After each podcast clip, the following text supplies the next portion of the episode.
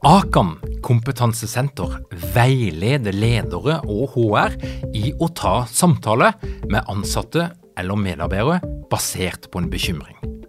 Akan setter ledere og medarbeidere i stand til å forebygge og håndtere en problematisk bruk av alkohol, narkotika, legemidler, spill eller doping blant ansatte. Ønsker du å lære mer om god forebygging og gjennomføring av samtale med en som du er bekymra for? Da kan du nå få tilgang på Akan sitt digitale samtalekurs til spesialpris, kun 760 kroner. Målet med kurset er å gjøre deg tryggere i det som kan være en krevende, men viktig samtale å ta i lederrollen. Du får tilgang til kurset med å gå til samtalekurs.no, samtalekurs.no, og bruke kampanjekoden LEDERPODDEN. Tilbudet gjelder ut april. Har du noen gang sittet i et digitalt møte og kjent at du blir utålmodig? At du kjeder deg lettere, og at det er veldig enkelt å begynne med andre ting? I så fall så er du ikke aleine. Likevel så er det veldig mange som fortsetter å presentere på samme måte i de digitale møtene som i de fysiske. Og det funker ikke. Mitt navn er Vibeke Holtskog.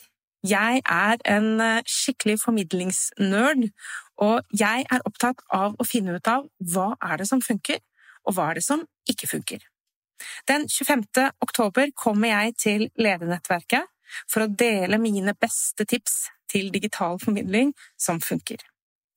Hvis du har lyst til å imponere i din neste presentasjon eller din neste workshop, så er det veldig lurt å melde seg på her. Så gå inn på ledernettverket.no, les mer og meld deg på.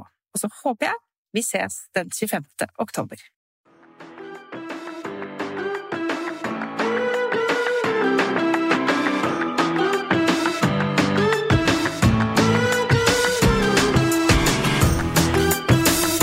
Velkommen til Lederpodden. Mitt navn er Tor Åge Eikerapen. Jeg jobber som organisasjonspsykolog, og dette her er en podkast om ledelse. Hører du på Lederpodden, så vet du at kommunikasjon er ditt viktigste verktøy som leder. Ja da, analytiske evner, strategisk tankegang, beslutninger og alt det andre er selvfølgelig viktig, men om vi koker det ned til hva som virkelig gjør en forskjell, ja, så er det din evne til å kommunisere. Det handler ikke bare om hva du sier og hvordan du sier det. Minst like viktig er det faktisk hva du skriver og hvordan du skriver det. Om det er en e-post, et innlegg på Slack eller en artikkel på intranettet. Din måte å skrive på som leder betyr noe for hvordan du blir forstått, for hvordan folk oppfatter deg, og i hvilken grad du får den effekten som du ønsker ut av det du skriver. Og i dag skal du få lære hvordan du skriver sånn at du blir forstått, og sånn at du oppnår den effekten som du ønsker med din tekst. Kristine Calvert hun skrev sin første bok som tiåring. Hun flytta fra USA til Norge som elleveåring og lærte seg norsk på rekordtid med toppkarakterer, og i dag så lever hun av å lære blant annet næringslivet hvordan de skal skrive, for å bli tydeligere og for å få mer gjennomslag i en verden der mange kjemper om oppmerksomheten. Kristine driver firmaet Tekstdoktor, hun underviser i digital markedsføring og journalistikk på Høgskolen Kristiania, og hun skrevet mange gode bøker om det å skrive. Velkommen til Lederpodden, Kristine. Ah, tusen takk, dette har jeg gledet meg til så lenge, så nå er jeg hypa og klar for å snakke med deg. Nydelig, Kristin. Men fortell litt. Altså, jeg skjønner jo at tekst er, er greia di, men du må si det med, med, med, egne ord. Hva er det som er din faglige lidenskap? Du har jo rett og slett via livet ditt til tekst, du. Ja, jeg har jo det. Tekst og språk og ord. og eh, det er litt, Jeg tror det handler litt om det du sa om at norsk ikke er førstespråket mitt. Så jeg kom til Norge på 70-tallet og ikke ikke, plutselig ikke kunne kommunisere. Ikke Over natta så kunne ikke jeg snakke med folk, jeg kunne ikke formidle og synge og skrive, i hvert fall ikke på norsk. Så jeg kjente veldig på da jeg begynte å ta inn det her med norsk, eh, og fikk meget, ja etter to år fikk jeg meget i norsk, som het den gangen, Uh, hvor viktig det er for meg å, å jobbe med språk og ord. Det jeg vil si jeg brenner aller mest for, er egentlig formidling. Altså det å formidle gleden og kjærlighet til godt språk, god skriving, god muntlig formidling også. Det handler jo om hvordan vi påvirker andre mennesker, og spesielt for ledere. Fordi det vi gjør som ledere, skal jo ha en ringvirkninger for så utrolig mange. Og Da er vi inne på ledelse, og det er jo sånn at du faktisk har studert ledelse. Og ledelse er noe du er opptatt av. Og Da må jeg jo bare spørre, deg, selv om jeg ga litt av svaret i introen, men jeg må spørre deg. Hvorfor skal ledere være opptatt av hvordan de skriver og formidler ting skriftlig? Ja, Det handler jo om bevissthet, og som leder så kan du ikke tillate deg å bare velte ut noe tekst eller bare si et eller annet i møtet. Det er eh, mye Det er så store forventninger til eh, ledere. Ikke alltid, selvfølgelig. Det går jo an å chit-chatte ved, ved, kaffemaskinen. Men det du sier som leder, kan bli tolket på så mange forskjellige måter. Og opp gjennom livet mitt, når jeg har vært eh, ansatt forskjellige steder, så merker jeg den virkning det har. Hvis en leder sier noe som er uklart, så går vi rundt i gangen og vi snakker om det og vi spør hva var det hun mente der, eller hva var det han sa. Det, skal noen sies opp? Skal vi flytte på oss? Om omorganisering f.eks. Må jeg bytte kontor? Altså Det er sånne både små og store ting som vi er veldig veldig opptatt av som dine ansatte. Og du har, jo, du har jo en radar som er relativt velutvikla, vil jeg påstå. Du er i kontakt med mange ulike organisasjoner, mange ulike mennesker. Og vil du si om nivået på skriftlig kommunikasjon i, ja, blant ledere i organisasjoner? Jeg syns jo det er mye som er bra. Det er ikke det at alle skal endre seg totalt. Men jeg ser det er mange små ting mm. som ledere kan gjøre så vil løfte en tekst veldig. Eh, jeg har et lite eksempel.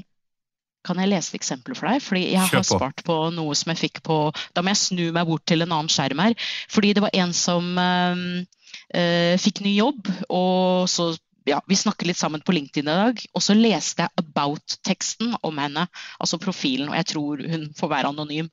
Men det som står der, er i starten Result-oriented, analytical, creative digital marketer. Solid experience with digital insights analysis tools. I've brought expertise in digital marketing, web analysis, insight, conversion optimization, SEO osv., osv., osv. Litt upersonlig. Og siste setning var i find great joy in turning data into valuable insights. Og dette er ikke en som jeg kjenner, men da sendte jeg en message. Dette er bare noen få minutter før jeg snakket med deg og sa at du må jo løfte opp den setningen. Det er jo det som forteller hvorfor du er til. Det er det som forteller hvordan du kan hjelpe meg. Og jeg ser at mange ledere har lett for å ha sånn introgreier først. Og noen ganger, spesielt hvis vi ønsker å bli inspirert, motivert av lederen vår, så burde hen løfte. Starte med et eller annet som er pang! Dette vekker interessen min. Og Det kan f.eks. være en historie, eller det kan være litt sånn one-liner eller en setning som gjør at vi setter oss litt rettere opp i stolen, eller reiser oss litt opp rundt bordet. Så jeg tror det å tenke gjennom hvilken virkning gir de forskjellige delene av teksten min, enten det er en presentasjon eller en e-post. Fordi hvis jeg får en e-post fra lederen min som jeg skjønner er en viktig e-post, det jeg gjør er å skanne rundt kjempekjapt for å finne ut hva er det som er viktig her, hva er det som kommer til å berøre meg. Så hvis det står masse introgreier, jeg ser det ikke engang, fordi jeg er på jakt etter har jeg fortsatt jobb, f.eks. og Hvis vi da tenker litt sånn historisk på det, og du har vært i dette gamet i en del år. Um, du har fulgt utviklinga, du har jobba tett på, på, nettbransjen og det digitale formatet. Men, men, hva er det som er skjedd, altså med tanke på viktigheten av tekst i dag når det gjelder kommunikasjon? det jeg kan si om altså, Vi er jo omgitt av mye mer tekst enn før. Vi har sosiale medier. altså Det velter inn med mengder med tekst. Og nå fikk jeg veldig lyst til å si noe, selv om du kanskje skal spørre om det, meg om det senere. Det som jeg hører fra ansatte rundt omkring, er at det er for mye. Jeg klarer ikke å håndtere Workplace og Slack og e-post. Jeg husker ikke engang hvor jeg har fått noe fra. Eh, så jeg tror at ledere kan med fordel tenke mye mye nøyere over hvilken kanal de sender ut noe i. Hvilken kanal skal jeg som leder strategisk bruke for å snakke, selvfølgelig eksternt, men nå tenker jeg først og fremst internt. Hvordan skal mine kolleger få viktige budskap fra meg? For det tyter inn tekst overalt. Så jeg vil si at tekst er selvfølgelig, Jeg syns jo tekst alltid har vært viktig, men det er enda viktigere nå å være kort, konsis, kom til poenget, skriv korte setninger, ta pauser. Akkurat som vi gjør når vi snakker muntlig. Nå hørte jeg at jeg begynte å plapre litt, men også når vi snakker, så kan vi ta flere pauser. Det er noe jeg trener på personlig. Ja, den, nå lot vi bare henge. Vi trener begge to. Veldig bra. ja. Du, Pauser er utrolig kraftfullt. Ja, og det, og det, gir autoritet, stemmer ikke det? Jo. Det gir Du virker mye mer kraftfull, og du har mye mer autoritet hvis du snakker med pauser. Mm. Så kjenner jeg på at nå minte jeg meg selv på det, så nå skal vi være veldig kraftfulle i resten av denne samtalen. Tor Åge. Du, Slack, Slack, jeg ble litt interessert i det. for jeg, eh, jeg, jobber jo i en meget liten organisasjon der, der Slack ikke er så nødvendig. Men, men, men, jeg vet jo hva Slack er, og jeg bruker det i noen sammenhenger. Men jeg hører jo en del av, av kundene mine snakke om Slack og den måten å kommunisere på. at det, Noen snakker om at det blir lett litt sånn kort, stygt, ugreit. Altså det, er, det, er noe ukultur som følger med det. Har du noen betraktninger rundt den type kanaler? Feil som blir gjort, eh, det en heller burde ha gjort? Ja, fordi alt går så kjapt. Og det blir fort til at det kan Det er ikke sikkert det vi skriver er ufint. Eh, og vi kan ikke legge emoji på absolutt alt vi gjør her i verden. Men det kan virke bråere og røffere enn eh, en det jeg egentlig har ment, som en kommunikatør med en annen kommunikatør. Så jeg er, jeg kjenner at jeg faktisk er litt glad for at jeg ikke er i en stor organisasjon i dag. Kanskje jeg tråkker i salaten her, men jeg kjenner det fordi jeg ser at det er så mye, og det foregår så kjapt. Så så jeg tror i hvert fall man skal tenke seg nøye om. Hvis du ikke bare pøser ut masse ting på Slack. Du, mm. på den annen side så må man jo ha muligheter for å sitte og chatte litt kjapt med andre også. Så, ja, og jeg kan også si at det er fint om folk ikke er så hårsåre.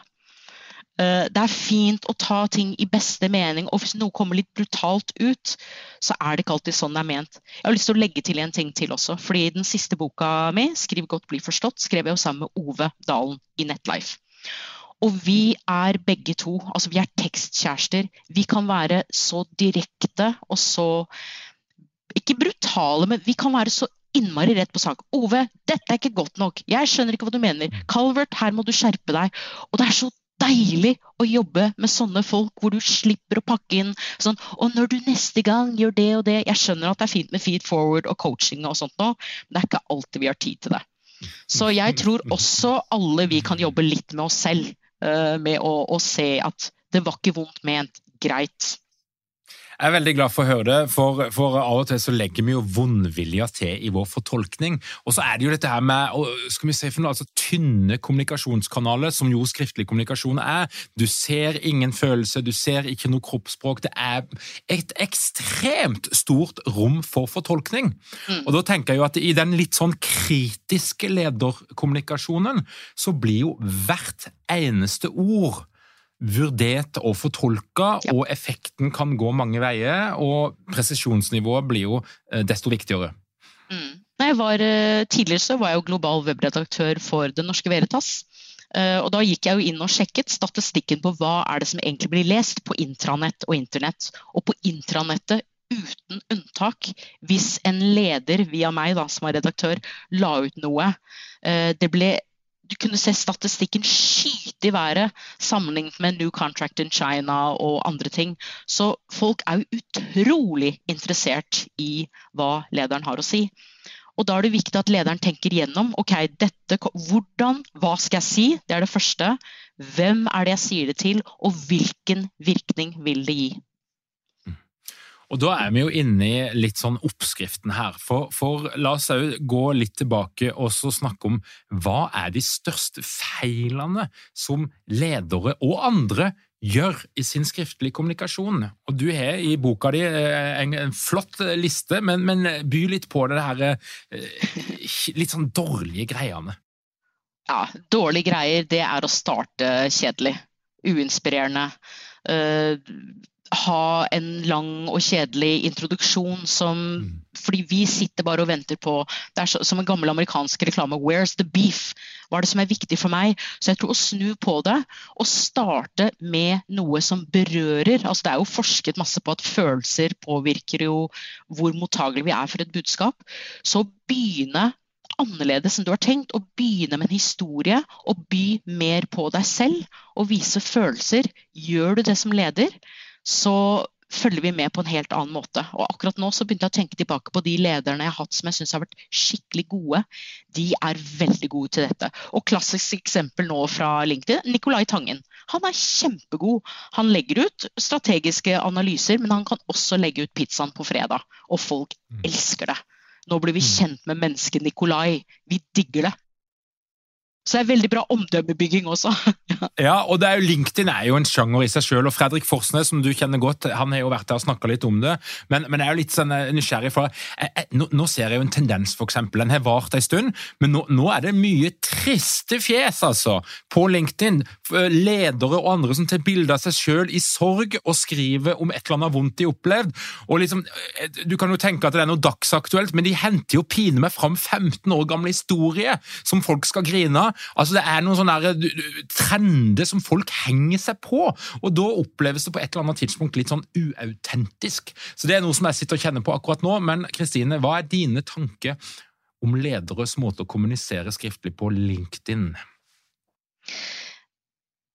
Oh, det er et vanskelig spørsmål, for det er klart at det du skriver på LinkedIn som leder, skal jo både påvirke omverdenen, og så skal du samtidig påvirke dine ansatte og folk du kjenner som ikke du nødvendigvis eh, jobber sammen med. Så jeg, skal jeg si ett ord, så vil jeg si autentisk.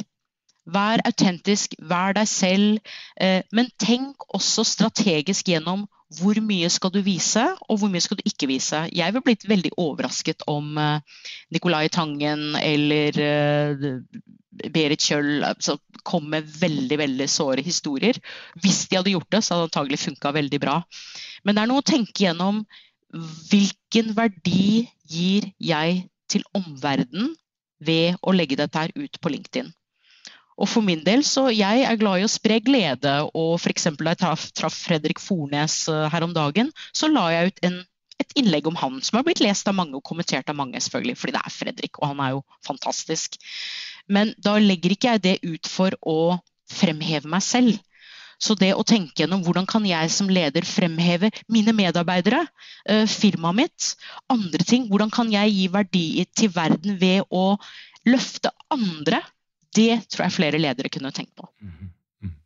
Og så er det noen sjangere her innen språk, og dette er viktige greier. For fremmedord, buzzwords, engelsk terminologi. Hvis du gjenger på en eller annen næringslivskonferanse Jeg prøver å unngå det, for jeg er ikke så glad i mingling og sånn, men jeg vet jo allikevel at de som står der på scenen, det er, det er heftig, altså. Det er, det er mye buzzwords ute og, og gjenger. Det er mye engelsk terminologi, og det er mange inkludert ledere, som snakker på en slik måte at de skaper fremmedgjøring istedenfor å bli forstått. Og her er jo litt sånn ute etter, kan du, kan du fortelle litt om hva er det ledere bør unngå når det gjelder den type felle? Ja, for det du snakker om høres ut som det er corporate bullshit, som mange kaller det. Når du, du legger et lag med ord rundt deg som folk ikke helt skjønner, og du plukker ord som disrupsjon, synergieffekter, altså alle de ordene proaktiv. Det det er de er fine ord i seg selv, men har du veldig mange lange, vanskelige ord som blir litt sånn ugjennomtrengelig, så får ikke vi tak i hva du egentlig mener. Eh, du kan velge å si predikere, eller du kan velge å si forutsi. Altså, alt er jo valg. Så jeg skulle ønske meg egentlig igjen tilbake til der hva er autentisk. Treffer jeg deg på gata, så sier ikke jeg uh, hvorledes uh, Nei, jeg klarer ikke å finne opp noe på sparket. Men uh, skriv som du snakker, og så kan du heller fikse på det. Um, så, det fins jo noe som heter eh, bullshit-generator på, på, nettet. Så, og det er bare å gå inn og skrive noe greier der. Og jeg kom på en ting til som jeg må si. Uh, lesbarhetsindeks. Hvis du går på skriftlig.no slash L-I-K-S, som står for lesbarhetsindeks. Du kan ta hva som helst av det du har skrevet, lime det inn i en sånn firkant, dette er gratis, klikke på analyser, og så får du en score.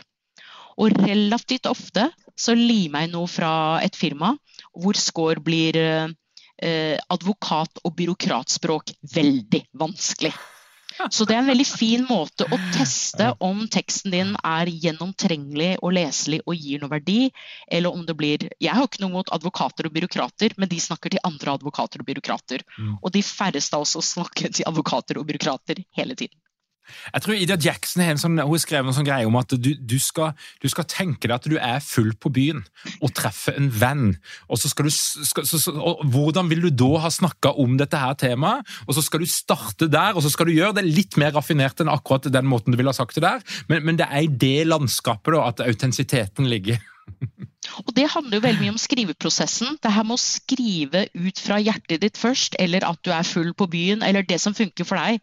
Man må jo finne et eller annet mønster eller uh, verktøy som gjør at du bare setter i gang å skrive. Skriv dårlig, det gjør ikke noe. Så kan du alltids fikse på det mm. senere. Men på en annen side, det er litt synd hvis du treffer noen som er full på byen, og så publiserer du akkurat det du sa der og da. Da er det kanskje bedre å holde kjeft, for å være helt ærlig. og, eh, da er vi altså inne på at eh, nummer én, du må starte med et eller annet som fanger interessen.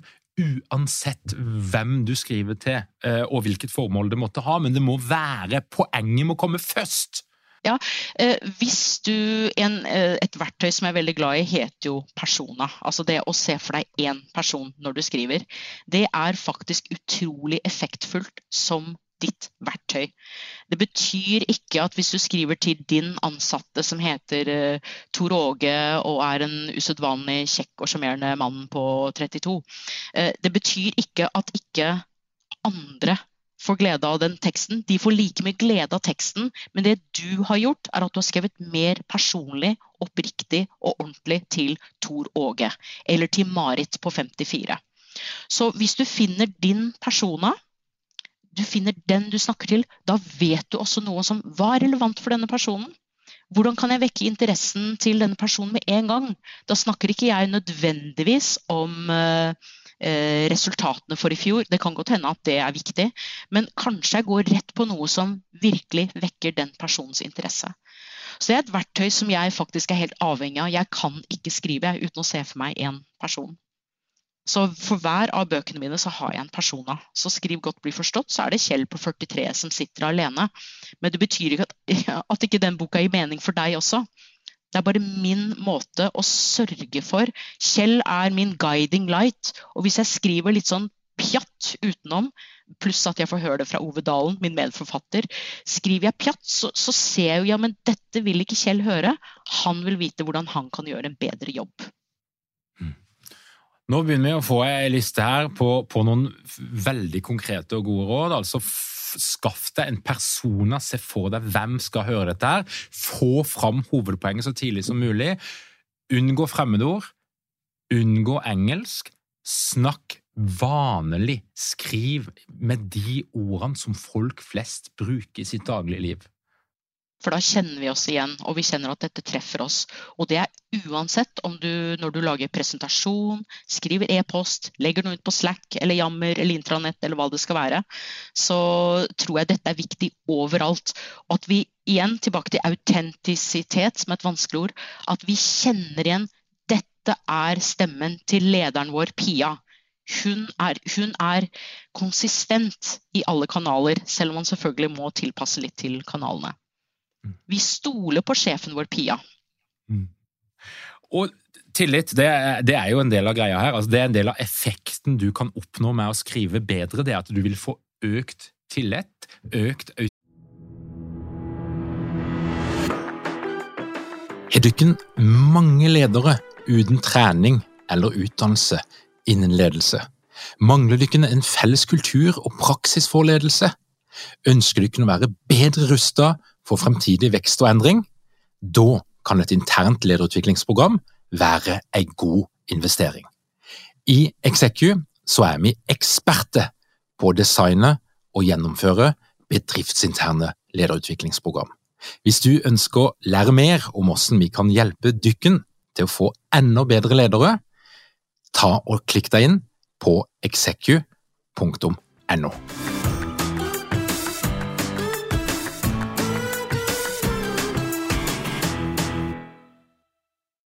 Autoritet. Folk vil i større grad lese det du skriver, eller høre på det du sier. Yes. Og så må vi gå videre til kraft og autoritet gjennom skriftlig kommunikasjon. Og da kan jeg også legge til, det er jo akkurat samme som eh, når du snakker. Det sa jeg kanskje i sted også, men det her med tenk gjennom Hvis du sier noe, du får mye mer punch når du tar pauser, og det er akkurat det samme med skriftlig. Du kan ta avsnitt, f.eks. Ikke sende ut e-poster hvor alt er stappet inn i en lang bolk med tekst. For det som skjer med mange av oss da, er at vi ser det visuelt så ser vi at dette er noe jeg ikke orker å forholde meg til akkurat nå. Jeg legger det i en mappe for later reading, og så leser jeg aldri det som står der. Og så har kanskje lederen lagt et veldig viktig budskap, kanskje et stykke ned i teksten, og vi får ikke det budskapet. Så tenker luftig, enkelt, kraft, punch. Det er bra for en leder. Mm. Og liste skriver du noe om. Altså det å, å samle informasjon i noen punktliste, eller altså noe no, no, no annet enn bare tekstblokker. Mm. Lister, mellomtitler, avsnitt, lenker. Alt som kan gjøre det lett og lekkert å lese. Så akkurat som om du skulle skrevet en nettside, for der syns jeg mange bedrifter har blitt kjempeflinke de siste årene. Det er avsnitt, det er luftig, du ser hva du skal gjøre, og så glemmer vi det når vi skriver e-post, plutselig er det ikke viktig, eller vi smeller ut et eller annet på Slack med litt skrivefeil og sånt nå, så er det ikke like viktig. Men det er akkurat like viktig, det også. Og så er vi bare mennesker. Ingen, ingen, er perfekte, og av og til så slenger vi bare ut et eller annet. Men i hvert fall når det gjelder viktige tekster, bruk de to ekstra minuttene på å gjøre det lett å lese, pauser, avsnitt. Bullets, det jeg gjør med punktlister, er at hvis jeg har en setning med mange kommaer, så ser jeg kan jeg heller gjøre dette her om til en punktliste. Og det blir så mye lettere å oppfatte for en annen person hva jeg mener. Eh, og Det har jo lenge vært en sånn greie på eller det, det gjelder kanskje all tekst. altså De fleste skriver for langt. Skriv kortere, si det du ønsker å si med færre ord. Men så ser jeg det vært en sånn tendens at uh, på nett så var det en periode alt skulle være ekstremt kort. Setningene skal være korte, det skal være få linjer. Men, men så er det på LinkedIn da, starta noe nytt med at nå er det plutselig lange innlegg og, og folk som byr på mye mer. Og, og dette her er jo litt trender, kanskje, men, men hva, hva tenker du? Hva er greia? Jeg er litt usikker, fordi jeg det kan, Dette er jo mer som Fredrik kan mer om enn meg. Det ser ut som lange innlegg får mer rekkevidde.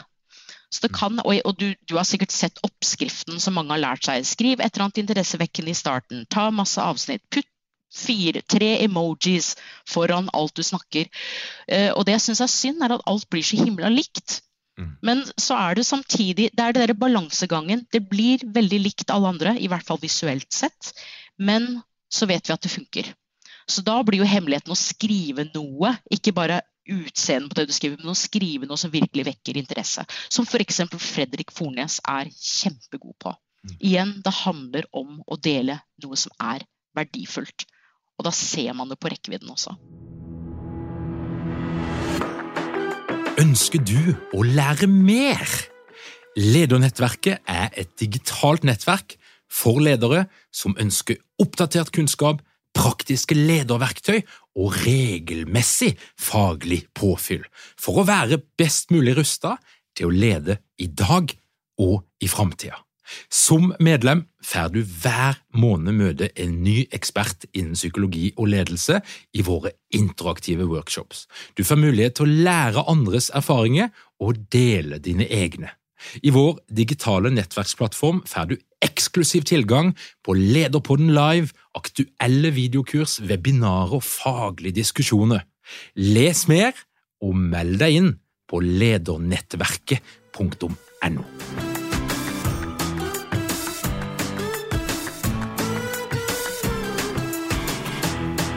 En del av det ledere kommuniserer, er informasjon som er vanskelig, eller som er egnet til å skape negative følelser. Og Da tenker jeg spesielt på mitt favorittema i organisasjonspsykologien, som er endring.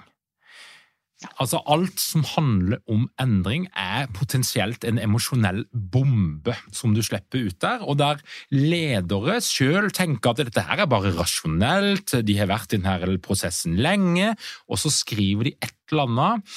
Og min fortolkning er jo at ledere har en tendens til å litt for lett skrive på en måte som oppleves som avvisende, eller eh, for å bruke et fremmedord, devaluerende, eller at kjære ansatte, dykken er ikke så viktig. Eh, eh, og Et eksempel som er en klassiker, det er jo når lederen da skriver i en eller annen e-post som kunngjør at det kommer et eller annet nytt. Nå skal vi jobbe smartere. Mm. Tusen takk for det. Jeg har ikke jobbet smart eh, hittil, så nå skal jeg bli bedre. Du setter ikke veldig pris på det. Eh, da hadde, hadde jeg vært leder da, så tror jeg jeg hadde funnet en annen måte å si det på. Eh, og kanskje også her ville jeg personlig vurdert å starte med en historie. Vi har gjort sånn og sånn, liksom fortelle litt Det er litt vanskelig å sette ord på det, men gjør dette her viktig og relevant for meg? Ikke Det blir sånn floskler. Nå skal vi jobbe smartere. Altså, alle ønsker jo å jobbe smart og tjene penger og ha en god og trygg arbeidsplass. Men kanskje heller snakke om tryggheten. Kanskje snakke, Hvis du igjen tenker på personene, hvis dette hadde vært Kjell på 42, blir han glad? for å høre nå skal vi jobbe smartere. Det første Kjell på 42 vil tenke ok, betyr det at jeg må jobbe mer? Må jeg endre måten jeg gjør ting på? Jeg syns egentlig alt funker kjempebra. Jeg. Og jeg tror Hvis du snakker med mange i bedrift, så syns de ja, men det funker egentlig bra som det er. Hvorfor skal vi endre på noe som funker? Så du som leder må jo tenke gjennom hvis det er innvendingene, hvilke innvendinger må du på et vis se for deg før du begynner å skrive? Mm. Og Her kommer retorikken inn, men det blir altfor langt å snakke om denne gangen. Men vil, mange vil kanskje mene dette, men her ser vi også punkt 1, 2, 3. Altså, det er jo mange måter å tenke på når du skriver en tale. Hvilke innvendinger kan du møte hos Kjell? Så tilbake igjen til persona. Ja, og jeg tenker dette her er veldig sentralt, for det er der ledere bommer mest i sin endringskommunikasjon. Det er at de, de, er ikke forutseende nok på de negative reaksjonene. For hvis de i den første e-posten, eller hva det nå måtte være, hadde adressert de motforestillingene som finnes der ute, ja. helt klart, så hadde de tatt hull på ballongen. Det hadde vært mulig å kommunisere om det. Det, det, det, det hadde ikke vært så mye å snakke om ute i gangene. Eh, eh, men problemet er vel egentlig at det ofte så blir jo sånne e-poster, eller hva det nå måtte være for skriftlig informasjon, for positivt. Altså er, De tenker at dette her er et hallelujamøte der jeg skal selge det nye endringsprosjektet. Og så glemmer de at tilliten reduseres jo betraktelig når du ikke tar med den negative konsekvensen av denne endringa. Mm, og det er to ting her. For det første så sa du et favorittord, halleluja. Eh, eller det var egentlig for det andre. Men eh, det er ganske mye halleluja, og spesielt i internasjonale selskaper som jobber i Norge. Vi kan kjenne igjen amerikanske selskaper. Det er mye halleluja og hurra. Og det er ikke alltid det funker så godt, spesielt i norsk kultur. Det er det ene. Men det andre er at i endringsprosesser, dette kan du mye mer om enn meg, men ledere har jo vært gjennom en kjempelang prosess med styret sitt, kanskje over et år. Og så sitter vi, alminnelige ansatte, og har ikke hørt noen ting. Så det er litt sånn the curse of knowledge. Vi, ja, på engelsk. Vi liker å tro at folk vet mye mer enn det de vet. Og de gjør ikke det. Så jeg tror også tilbake til persona, tilbake til å snakke med betrodde medarbeidere før en leder begynner å legge frem f.eks. at nå skal noe endres. Og så er det selvfølgelig masse andre ting som du kan masse om det her med legge et, legge et løp hvis du skal kommunisere endring. Du kan ikke komme en dag og si ja, nå skal vi jobbe smartere. Eh, vi ansatte, vi kollegene dine må være med på løpet. Det finnes jo noen egne sjangere der det florerer med corporate bullshit, og da tenker jeg på stillingsannonse. Der er det mye gøy. Men kongen av corporate bullshit, og sånn som jeg ser det, det er strategi- og verdidokumentet. Ja, det og årsrapporten. Skrekk og gru. og jeg har lest ganske mange dårlige strategidokumenter, og, og, jeg leser dem, for jeg får dem tilsendt før jeg holder kurs. Ikke kan ikke du se på denne teksten? Og jeg skjønner ikke hva det handler om. Jeg skjønner ikke hvilken vei vi skal. Jeg skjønner ikke hva det betyr. Hva betyr det at vi, Og så er det bare masse, masse ord. Og det som havner med strategidokumenter, er at de, de havner jo i en eller annen skuff. Uh, veldig veldig mange strategidokumenter. Det ligger sikkert hauger av skuffer over hele landet vårt som er fulle av strategidokumenter som aldri blir lest. Så vi trenger mye mer Vi trenger litt sånn fyrtårnskommunikasjon, vi, mm. når det gjelder uh, strategi. Så um, ja. Hvis du skulle skrive en, et fantastisk strategidokument for dere tekstdoktor, hvordan skulle det sett ut? For det første er det bare jeg som skal lese det, så det er jo da er jeg persona. Kristine uh, Calvert, uh, det neste året ser vi at det blir større og større behov for dette og dette og dette. Derfor ønsker jeg at du skal legge vekt på sånn og sånn og sånn. På denne måten vil du oppnå det og det og det. Veldig kort. Veldig kort strategidokument. Litt sånn, uh, ja. Men jeg tenker der, eh, der, der, er det litt å ta tak i. for jeg, jeg, jeg tenker at Strategidokumentet er så ekstremt viktige. De, de, kan potensielt da, være totalt avgjørende for hvordan et uh, selskap gjør det. Uh, og Da er det så rart at, at, det virker som det er reklamefolk som får lov til å lage de dokumentene. Jeg tenker at uh, Der må sånne folk som deg mer inn i bildet. Folkens, ring Kristine for å få et strategidokument som fungerer. Ja, takk for det. Så, ja. Mm. Eller Ja. Det, det, det er jeg, jeg, skjønner Det er jo egen sjanger, strategidokumenter. Og vi forventer jo visse ting av et strategidokument. Og da er jo også spørsmålet skal vi følge den sjangeren og gi folk noe de forventer, for det kan gi trygghet? Eller skal vi bryte med det vi vanligvis har gjort, overraske, eh, begeistre på en annen måte med et strategidokument. Så hele tiden er det, det er veiing frem og tilbake. Hva er det som vil funke for personene? For jeg mener også et strategidokument, så kan du faktisk ha én persona. Mm. Det kan være styreleder, det kan være en ansatt. Det, det er ikke jeg sikker på. Men igjen, persona er bare et verktøy for å skrive noe som er viktig for mange. Ledere som lytter på Lederpodden og tenker at jeg må kanskje ta en liten kikk på eh, min skriftlige kommunikasjon. Og Problemet er jo at det er veldig få ledere som får tilbakemeldinger på den slags. Eh, terskelen for å gi tilbakemelding til ledere er jo generelt høy, for det er en sosial risiko knytta til det. så Sånn er det. Så det er lett å være leder og tenke at jeg skriver på en fantastisk måte, mens folk gremmes og skremmes av måten du skriver på. Um, men hvis det er nå ledere som har fått den selvinnsikten at her er det et lite forbedringspotensial, henne skal de begynne? Hvordan blir du litt flinkere til å skrive i en lederrolle?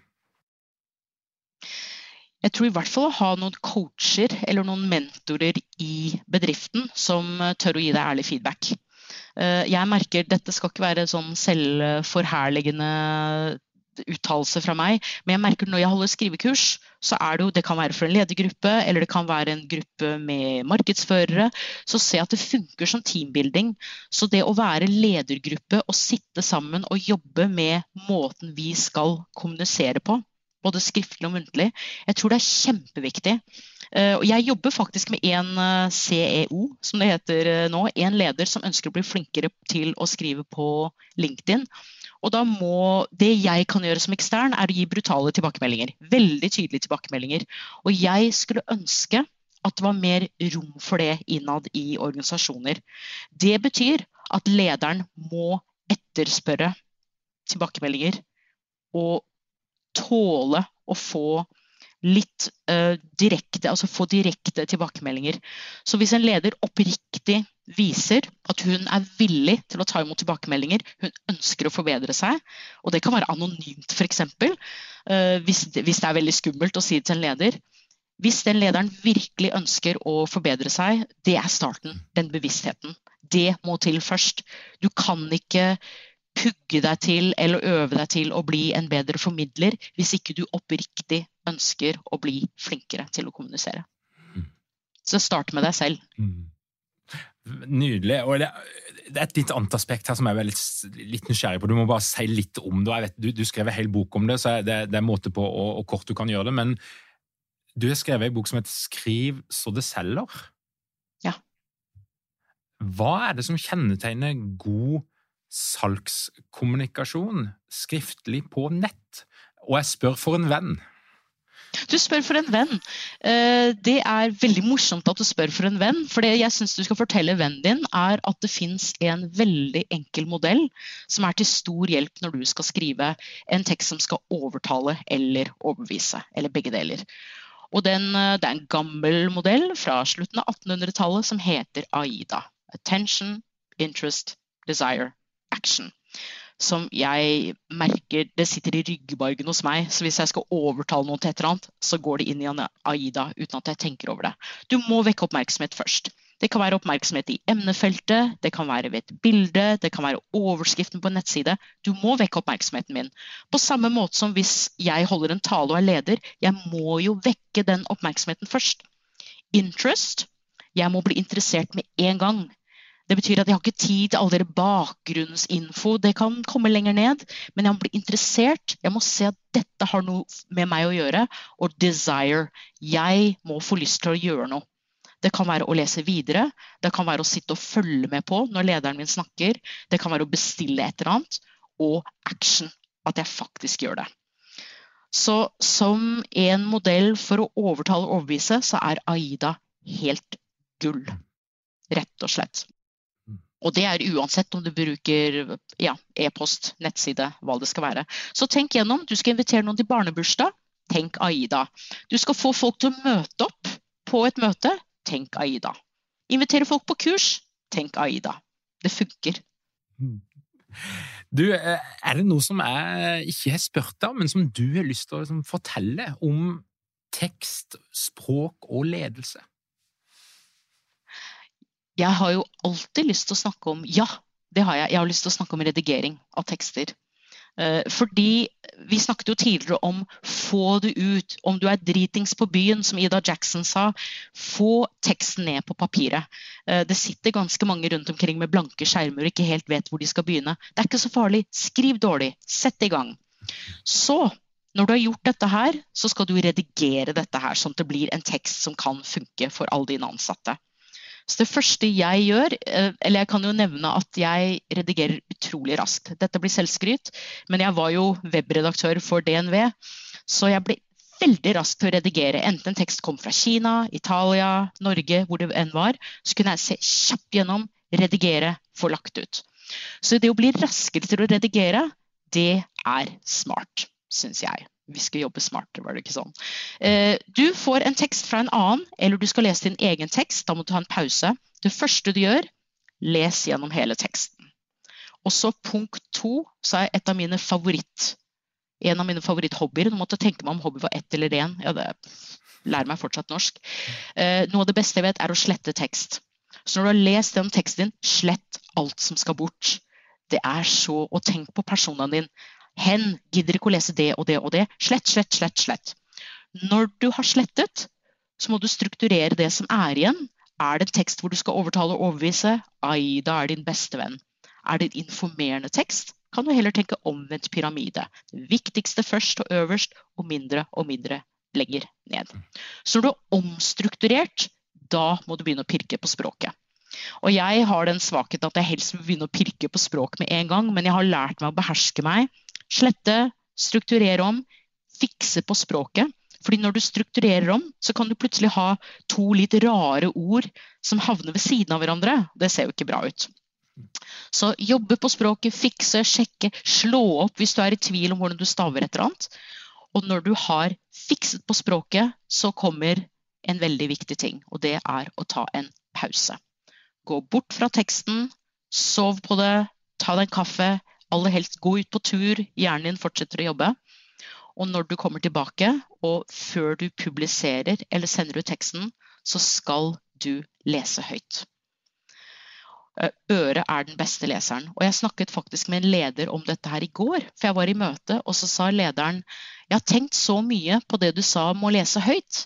Eh, og her om dagen så hadde jeg skrevet en viktig tekst, og så leste jeg det for mannen min. Eh, og, han, og så takket jeg mannen min etterpå, og så sa jeg takk for at jeg fikk lese en gang til. Og så begynte hun å reflektere over oi, når jeg leser høyt og hører det, altså når jeg får det inn auditivt, så gir det en helt annen virkning. Så, og har du ikke tid til å gå inn og slette og fikse, ordne og mekke, det er ikke alltid vi har tid til det i en travel hverdag, les i hvert fall teksten din høyt. Da hører du, hvis du har for lange setninger, hvis du må ta pustepause midt i en setning, så hører du at her må du få inn noen kommaer, eller aller helst punktum. Du hører hvis du, hvis du, begynner å kjede deg når du leser din egen tekst. Det er et, et hint til at her må du korte ned. Du hører hva som funker, du hører om du bruker rare ord. Du hører om du bruker ord som du ikke klarer å uttale selv engang. Så det der med å lese høyt, fordi da blir du du blir litt sånn lederaktig, og du holder en tale og leser teksten din. Det er en flott måte å sikre kvaliteten på. Mm. Og det koster deg kun den tiden det tar å lese det. Mm. Kristine, den siste tingen jeg har lyst til å høre for deg, det er den der lista med de fyllordene som du bare kan slette, og du kan putte dem på eh, automat. Altså søk, eh, slett. Ja. Eh, og, og der, er noen, der, er det noen, gjengangere. Det er noen gjengangere. Hva er de mest vanlige dumme fyllordene som vi må bare få vekk fra teksten så fort som mulig? Ja, og dette gjelder jo både skriftlig og muntlig. Vi har alle uvaner. Jeg har et uvane om å putte inn ordet litt både når jeg snakker og når jeg skriver. Og det er kanskje fordi jeg føler selv at jeg er så direkte og rett på sak at jeg må mm. softe ting opp litt. Litt blant annet på en måte f.eks. Eh, liksom eh, alle de der bitte små ordene. For det som skjer når vi putter inn masse småord, vi virker usikre. Så enten vi skal snakke eller skrive, og særlig når vi skal skrive, da har vi jo tid til å gå inn og se etter. Og selvfølgelig av og til må vi ha en blant annet, det er ikke det jeg mener. Men det er fort gjort å putte på masse, egentlig, unnskyld meg, altså skit. Sånne små drittord rundt omkring som ikke styrker teksten. Så jeg har lyst til å legge til hvilken jobb en, hvilken jobb skal den teksten gjøre? Og så går du ned på nivå to. Hvilken jobb skal dette avsnittet gjøre? Hvilken jobb skal denne setningen gjøre, og hvilken jobb skal dette ordet gjøre? Er det et ord jeg trenger, behold det. Så, og dette er, det, det, det, det, er ikke sånn du kan trene på en hektisk hverdag, kanskje. Men av og til, hvis du har litt tid og skriver et eller annet, det å tenke nøye gjennom hva er hensikten med hver setning, hvert ord. For da tror jeg de aller fleste ville valgt å skrive kortere. Kristine, tusen hjertelig takk for at du kom til Lederpodden takk for at jeg fikk komme. Dette, jeg kunne snakket med deg i timevis, kjenner jeg. Another time. to be continued. To be continued. Vi har en avtale som skal følges opp. Og til dere som hører på, hvis du har lyst til å lære mer om tekst og skjønner at det her er det ting å hente, og det handler om å framstå med autoritet, det handler om å skrive med autoritet, så gå inn på tekstdoktor.no. Der finner du alt om Kristine og de bøkene hun har skrevet. Eh, der er det masse gull å hente. Hvis du ønsker å lære mer om psykologi og ledelse, så kan du gå inn på lederpodden.no, trykk på den rette knappen, legg igjen din e-post, og du vil få vårt ferske, nyskrevne nyhetsbrev inn i din innboks hver eneste fredag. Og vil du lære enda mer, ja, så har vi en klubb, en forening, et nettverk som møtes digitalt hver eneste måned, og det heter Ledernettverket. Og du kan melde deg inn eller meld inn alle lederne som du jobber sammen med, på ledernettverket.no. Tusen takk for at du hører på Lederpodden. Vi høres igjen om ei uke.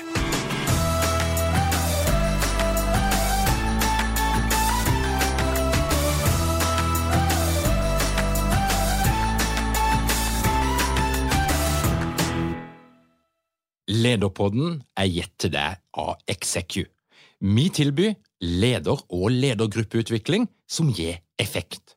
Les mer på execu.no.